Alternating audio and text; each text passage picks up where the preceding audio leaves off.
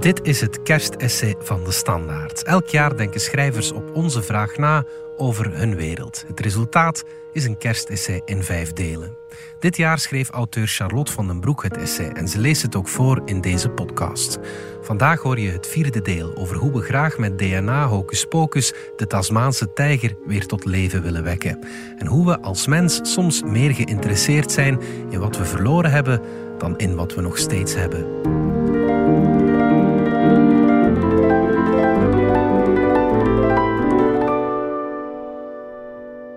I love what you do, don't you know that you're toxic? Uit een draagbare radio in het atelier van de taxidermist van het Natuurhistorische Museum klinkt het nummer Toxic van Britney Spears. Een glimlach om de toepasselijke soundtrack. Een bijna ongeloofwaardige toevalligheid die de overweldiging van de penetrante vlees- en chemicaliëngeur met enkele tellen uitstelt. Ingewanden, mierenzuur, aluin en alcohol. De taxidermist ziet me in de deuropening staan en draait het volume van de muziek zachter. Sorry, ik was nog bezig, zegt hij, terwijl hij verontschuldigend naar zijn werkplek wijst. Rond het afvoerputje in het midden van de tafel uit roestvrij staal plakken bebloede veertjes en slierten. Hij is volop bezig met de voorbereidingen voor Vogels in Vlucht, een tentoonstelling die over twee jaar plaatsvindt.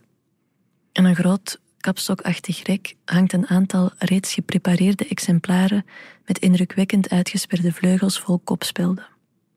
Op het wandbrede werkblad onder de ramen liggen allerlei hechtnaalden, huidschrapers, prepareerbestek en een piepschuime, reevormige mal die de taxidermist zelf ontworpen heeft.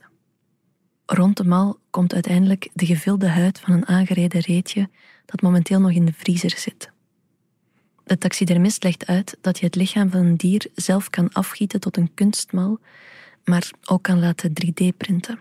Of je kan de mal gewoonweg bestellen uit de Mackenzie Taxidermy Supply. De Trois voor taxidermisten, lacht hij, terwijl hij me de catalogus overhandigt. Ik blader door het bevreemde telefoonboekdikke aanbod aan diervormige kunstbodies en besef dat ik er tot nu toe altijd onbewust verkeerdelijk van uit was gegaan, ter onder de huid van opgezette dieren een skelet zat.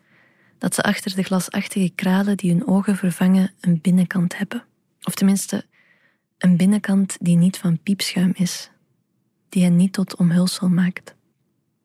Ik klap de catalogus dicht en merk nu pas in het midden van de ruimte een opgezette tijger. Hij is zo hoog als de werktafel minstens twee meter lang en prachtig. Zijn vuurkleurige vacht steekt fel af tegen een patroon van diepzwarte strepen. Slachtoffer van dierenhandel, betreurt de taxidermist. Maar vertel, jij bent hier voor een andere tijger. Ik vraag hem wat er destijds met de huid van de Antwerpse Tasmaanse tijger gebeurd zou kunnen zijn. Het museum bewaart tenslotte enkel zijn skelet. Vermoedelijk zal de huid niet bruikbaar zijn geweest, speculeert de taxidermist. Dat kan je pas zien wanneer de huid van het vlees is losgemaakt en in het looibad ligt. Het lijkt hem in ieder geval sterk dat men de huid gewoon weggegooid zou hebben. Daarvoor was de Tasmaanse tijger te speciaal. De taxidermist kan zich evenzeer, sinds het niet vermeld staat in het register, een scenario voorstellen waarin de zo de huid niet mee opstuurde. Wie weet, zegt hij, heeft een of andere Antwerpenaar wel een heel zeldzaam tapijt liggen. Die nacht droom ik van de schaapjes in de slaapkamer van mijn grootouders. Ik ben een kind en sta vertwijfeld in de deuropening. Het is een kleine kamer, die bijna volledig wordt ingenomen door het brede bed. Tegen de ene muur staat parallel met het bed een logge kleerkast. Tegen de andere een wandkast met oude Suske en Wiske strips. Tussen de meubels is er nauwelijks plaats, maar in een U-vorm kan je net rond het bed lopen. Een route die bedekt is met pluizige schapenvachten van glanzende nepwol. Mijn grootmoeder had gezegd dat ik boven een stripboek mocht uitkiezen, maar dat ik niet op de schaapjes mag lopen. Ik begrijp niet waarom het niet mag, wel dat het haar boos zou maken als ik het deed. Elke ochtend schudt ze de schapenvachten dwangmatig op. Bovendien zou een voetafdruk in het tonzige materiaal meteen opvallen. Hoe kan ik bij de kast met de strips geraken? De enige weg is rond het bed, over de matten. Ik besluit om de onmogelijke opdracht aan te vangen als een omgekeerd reisje rond de wereld. In plaats van me over de meubels en schapenvachten te bewegen in een poging om de vloer niet te raken, om niet in het water met krokodillen te vallen, probeer ik me door de kamer te bewegen via een parcours van openingen tussen de tapijten. Op de tippen van mijn tenen, met grote spreidstanden en kleine overtredingen waarbij mijn voet de vacht toch raakt, bereik ik de kast met strips. Wanneer ik met een uitgekozen album onder de arm via dezelfde route terug wil keren, zijn de schapenvachten plots over elkaar heen en in de hoogte gegroeid. De wol komt tot mijn knieën en is op verschillende plekken aaneengekoekt. Het is onmogelijk om mijn stappen terug te traceren, om überhaupt te bewegen. Naast de opgevulde huiden en blote botten in natuurhistorische collecties bestaat er slechts een beperkt aantal foto's en opnamen die de herinnering aan de uitgestorven Tasmaanse tijger in leven houden. Al is dat veel gezegd. Op alle overgeleverde beelden is het dier ofwel gestroopt, opgezet of gekooid. Er bestaat geen beeldmateriaal van levende Tasmaanse tijgers in het wild. Eén foto, uit 1921, toont er een tegen een achtergrond van varens met een levenloze kip in zijn bek. Maar het blijkt om een onscenering te gaan met een opgezet exemplaar in het kader van een fotoshoot voor de Australian Museum Magazine. Alle bewaarde foto's van levende Tasmaanse tijgers werden in dierentuinen gemaakt in de eerste decennia van de 20e eeuw.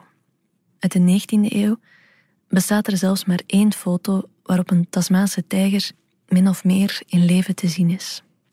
Eveneens in gevangenschap in London Zoo. In een poging om een levendig shot te verkrijgen, werd het dier door zijn kleine verblijf gejaagd totdat het uitgeput in elkaar zakte in zijn waterbak. In die hartverscheurende pose werd hij de eerste bij leven gefotografeerde Tasmaanse tijger, vereeuwigd door Frank Haas in 1864. Naast The Last Captive Thylacine van David Flea bestaan er nog tien andere soortgelijke filmfragmenten. Opgeteld goed voor zo'n 3,5 minuut aan bewegend beeld. De opnames tonen allemaal dezelfde droevige getuigenis van een dier aan het einde van het bestaan van zijn soort.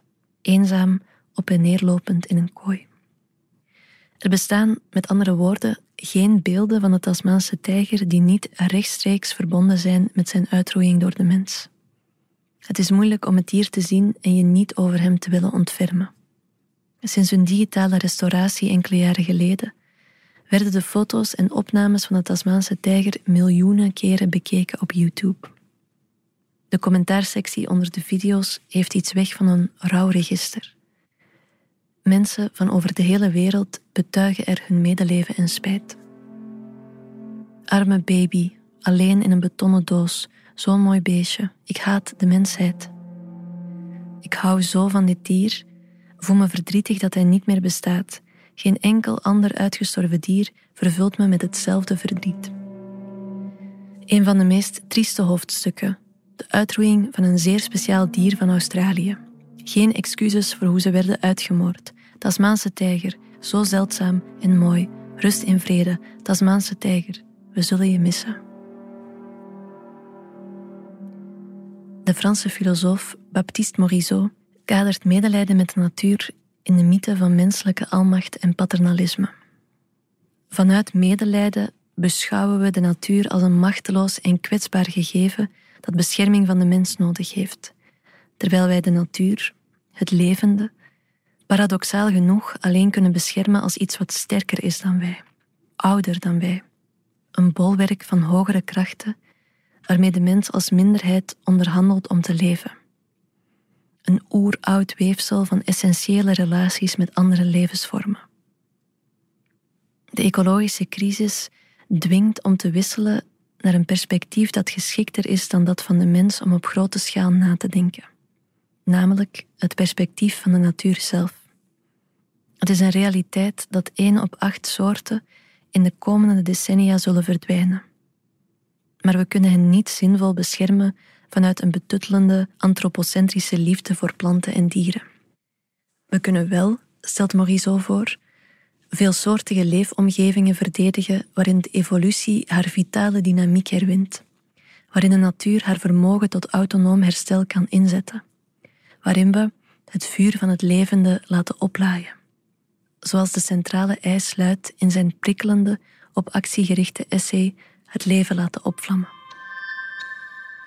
The world needs to be healed, vindt ook het Amerikaanse biotech-bedrijf Colossal Bioscience. Zij het juist door middel van extreme menselijke inmenging. Via geavanceerde genbewerkingstechnologie, gericht op het herstellen van het DNA van uitgestorven dieren, wil het bedrijf, volgens hun website, de voorouderlijke hartslag van de natuur weer op gang brengen. Om de wolharige mammoet weer over de toendra te zien denderen om de economie van biologie en genezing te bevorderen door middel van genetica. Om de mensheid menselijker te maken. Om de verloren gegaane wildernis van de aarde weer tot leven te wekken. Zodat wij in onze planeet rustig kunnen ademhalen. Het hele project klinkt als een spin-off van Jurassic Park. Je kan je afvragen wat er nu precies voorouderlijk is aan een genetisch gemanipuleerde mammoet en hoe een in het laboratorium tot leven gewekt dier de mensheid menselijker maakt. Niet alleen de wolharige mammoet, ook de dodo en uiteraard de Tasmaanse tijger staan sinds 2022 op het peperdure de-extinctieprogramma. Onder andere lifecoach Tony Robbins en hotelerfgename Paris Hilton investeerden riante bedragen in het onderzoek. In totaal haalde Colossal al 225 miljoen dollar op. Geld dat conservatieprogramma's voor bestaande bedreigde soorten en leefgebieden broodnodig hebben. Het schijnt tot de rationeel nauwelijks begrijpelijke eigenschappen van de westerse mens te behoren dat hij het verlorene hoger aanslaat dan het nog bestaande. Anders valt de merkwaardige fascinatie die sindsdien van de Tasmaanse tijger uitgaat, niet te verklaren, schrijft professor Heinz Müller in de inleiding van zijn studie Der Beutelwolf uit 1997. Op die merkwaardige fascinatie speelde de Australische miljardair en mediamagnaat Carrie Packer in 2005 slim in. In een groteske omkering van de strooppremie die de Tasmaanse tijger de dood injoeg, reikte hij in dat jaar een beloning van 1,25 miljoen dollar uit voor het vangen van een levende ongedeerde tijger. Het bod was bedoeld als promostunt voor The Bulletin, een van de magazines in zijn persgroep dat met dalende verkoopcijfers te kampen had. Een berekende gok. De kans was zo klein dat er effectief nog een Tasmaanse tijger gevonden zou worden dat Packer nooit zou hoeven uitbetalen. Als er toch, als bij wonder, een uit de dood opstond, zou Packer het meest waardevolle dier ter wereld in handen hebben. De beloning werd zoals verwacht door niemand geclaimd. Nochtans zijn er sinds het overlijden van de laatst gekende Tasmaanse tijger in 1936 meer dan duizend sightings gemeld. Heel wat mensen geloven dat het dier zich nog ergens in de afgelegen wildernis op het eiland schuilhoudt. Tot nu toe konden geen van de waarnemingen officieel bevestigd worden. Maar de vage wildcam-beelden en dubbelzinnige foto's overstijgen het historisch beeldmateriaal ondertussen ruimschoots in aantal. Het wensdenken rond zijn voortbestaan transporteert de Tasmaanse tijger uit het domein van de natuurhistorie naar dat van de cryptozoologie. De fascinatie met verlies koestert misschien evenzeer de hoop op herstel. De commentaarsectie onder de video's van de sightings liegt er alvast niet om. Magisch.